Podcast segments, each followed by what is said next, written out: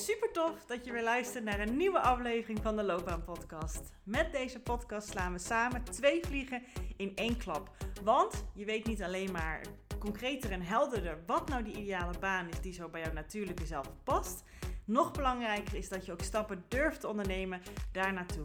Dus deze gouden combinatie zorgt ervoor dat je niet meer vanuit twijfel, onzekerheid en jezelf proberen te forceren te laten denken over jouw loopbaan en wat je daarin wil, maar dat je vanuit zelfvertrouwen, plezier en energie actie gaat ondernemen voor jouw loopbaan. Dus let's go!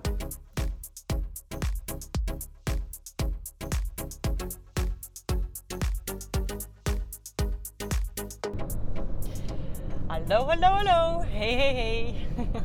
Tof dat je weer luistert naar de Loopbaan-podcast. Ik neem deze aflevering direct op naar de aflevering die jij mogelijk gisteren hebt gehoord. Is in ieder geval gisteren online is gekomen. Want uit het laatste loopbaangesprek wat ik vandaag gehad heb in Utrecht... Um, ja, waren er voor mij twee dingen die ik denk, die wil ik gewoon graag met jou delen. Omdat ik denk dat je er waarde uit kan halen. Nou, ik weet dat jij je waarde uit kan halen. En dat was eigenlijk bij een heel simpel voorbeeldje die ik heel doelgericht hoor, met haar heb gedeeld. Waardoor bij iets waar zij zichzelf in vastzetten, waar zij zelf moeilijk in maakte, het opeens heel makkelijk werd. Dus ik neem je ook even mee, net zoals haar. En het voorbeeldje gaat over wat er op mijn achterbank zit. Want op de achterbank ligt onze uh, hond, een van onze honden, Neva. En um, Neva die neem ik af en toe mee vandaag, ik weet niet, ik voelde vandaag dat ik haar mee moest nemen. Dat is gewoon iets, ja, dat is lastig uit te leggen. Vroeger zou ik denken, wat een raar idee. Tuurlijk niet, er zitten mensen niet op te wachten. En nu dacht ik, ja, wat de hek. Ik ga gewoon even mijn klanten appen of ze dat eh, oké vinden. Want je hebt misschien mensen die misschien niet zo blij zijn met honden. Of, of die het misschien te afleidend vinden, geen idee. Um, en ik vroeg het en uh, iedereen zei, nee, hartstikke leuk. Ik vind honden leuk. Uh, ik zeg, we hoeven niet per se mee te doen. Maar gewoon haar aanwezigheid heel bijzonder, kan soms iets voor mij en ook voor mijn klanten betekenen. En dat was gewoon nu ook weer het geval. En dan alleen maar in deze anekdote. Want ik zei tegen mijn klant, uh, doelgericht is wat ik al net eerder zei. Ik zeg je, de eerste keer dat ik uh, haar meenam naar mijn uh, coachruimte in, in Utrecht. Toen dacht ik echt van, oh my god, ehm, ja, is het wel oké dat ik haar meeneem? Ik heb in het contract helemaal gezocht of ik, ehm, of ik al honden mee mocht nemen. Mee mocht nemen. Uh, ik was er echt helemaal aan het verstoppen, uh, proberen onzichtbaar te maken. Uh, als het naar de wc ging, ja, dan, dan, dan, gaat zij vaak piepen of blaffen. Ik kak hoe moet ik het dan weer aanpakken. Kortom, ik was haar proberen aan het verzichtbaar, onzichtbaar aan het maken. En ja, als ik haar dan mee in de, in, de, in de gang liep, dan voelde ik me zo ongemakkelijk erbij. Want ik dacht, dat kan niet, dat is niet oké, dat is raar. Dus ik ging al ja, excuserend tegen mensen praten. Ja, nee, het is een excrementje hoor. Ja, uh, ik weet het ook niet, maar ik dacht gewoon even, het is leuk. Ik ga, wat om te proberen. Ik was helemaal met die manier, met die energie, ja, met haar bezig. En, en met excuseren naar andere mensen toe. En, en ja, er kwam ook wat, daardoor een soort van rumoer eromheen. Mensen zaten me raar aan te kijken. Het werd juist iets wat in de weg stond. Ook in mijn gesprekken. Ongemaksdingetje. Waardoor ik daarna ook dacht, ja, waarom heb ik eigenlijk meegenomen? Nou, intussen is het de derde keer dat ik haar meeneem. Want dat was wel, toen ik het een beetje los kon laten en ik me op de gesprekken kon focussen, gebeurden er wel hele mooie dingen. Um, en, het was, en vandaag dacht ik dus, nou, ik neem haar gewoon mee. En hoe ik haar meenam, was totaal anders toen vergeleken met nu. Want nu, ja, ik liep gewoon langs de receptie alsof het eh, heel normaal was dat ik haar mee had.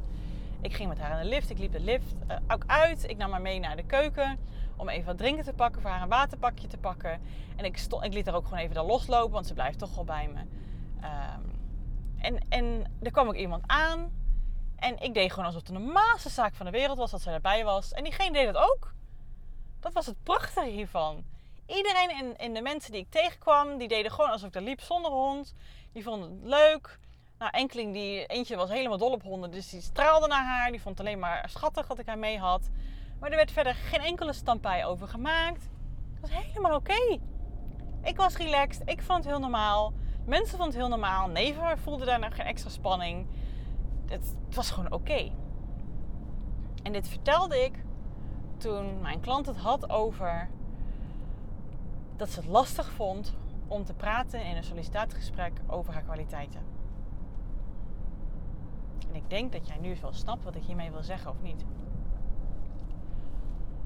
Want als je namelijk vertelt over wat jij te bieden hebt, waar jouw natuurlijke kwaliteiten liggen, wat een onderdeel is van mijn loopbaantraject, hè, om die boven te krijgen en om daarvoor durven te staan, met ontspannenheid. Als je dat vertelt met ook excuses en een heel warrig verhaal eromheen, en je probeert er een houding in te geven, en je gelooft er eigenlijk dus zelf helemaal niet in, en je vindt het zelf ook maar een beetje ongemakkelijk en raar om dat te vermelden, denk je dan dat degene die, aan wie je dat dan vertellen bent, zo generend, dat die het dan als zoete koek gaat aannemen. Dat die degene dan denkt, ja, ik geloof dat jij die kwaliteiten hebt inderdaad. Hoe jij met het overbrengt, ik zie het je helemaal doen. Nee. En als jij het vanuit gemak, vanuit ontspanning, vanuit, ja, dat zijn mijn kwaliteiten vertelt, wat denk je dat er dan gebeurt? Dan gaat diegene het veel serieuzer nemen en er ieder geval naar luisteren. En het waarschijnlijk heel normaal vinden dat je dat zegt. Misschien vraagt diegene naar een voorbeeld. Gewoon omdat hij nieuwsgierig is. Oh, jij zegt dat je die kwaliteit hebt. Vertel er eens wat over. Ik ben benieuwd.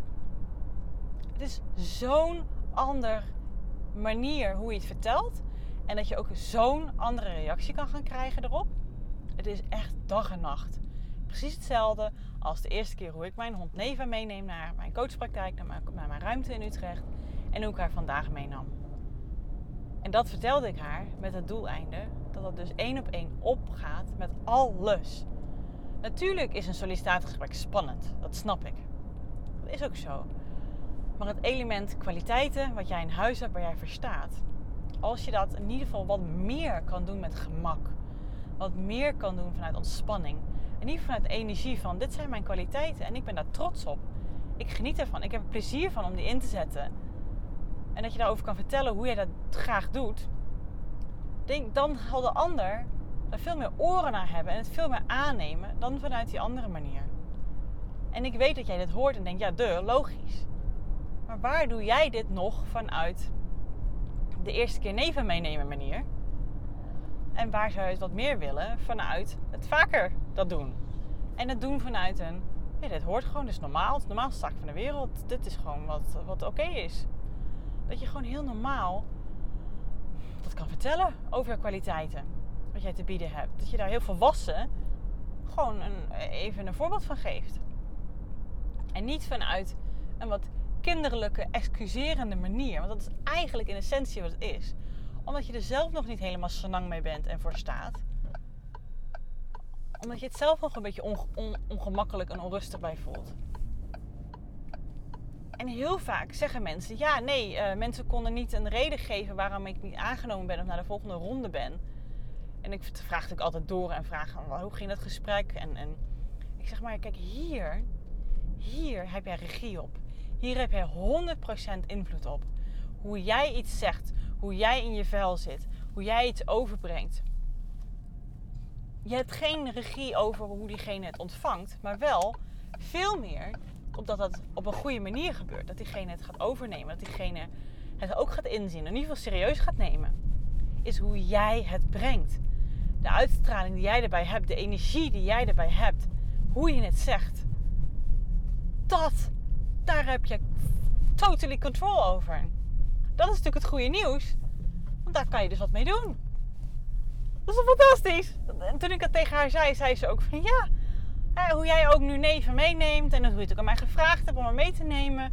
Dat voelde gewoon ook heel luchtig en heel prettig. En ik voelde ook alle ruimte om ja of nee te zeggen daarop hoor.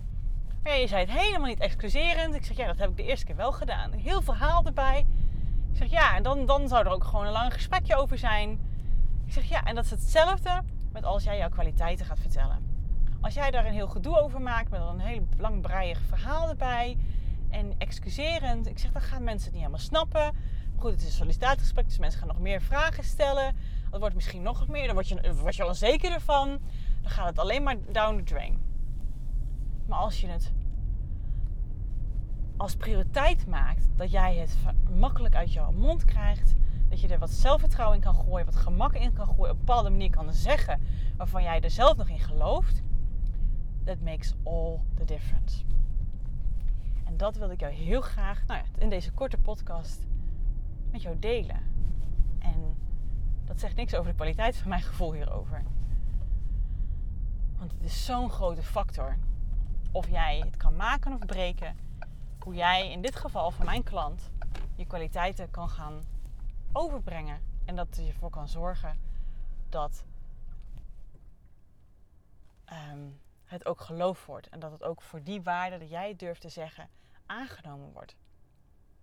Hoe jij iets brengt bepaalt enorm veel hoe iets overkomt. Met welke woorden, met welke non-verbale manier je iets zegt, bepaalt zo erg hoe iets ontvangen wordt. Veel meer dan je nu denkt. En daar heb jij regie en controle over. En daar kun jij leiderschap en volwassenheid in pakken.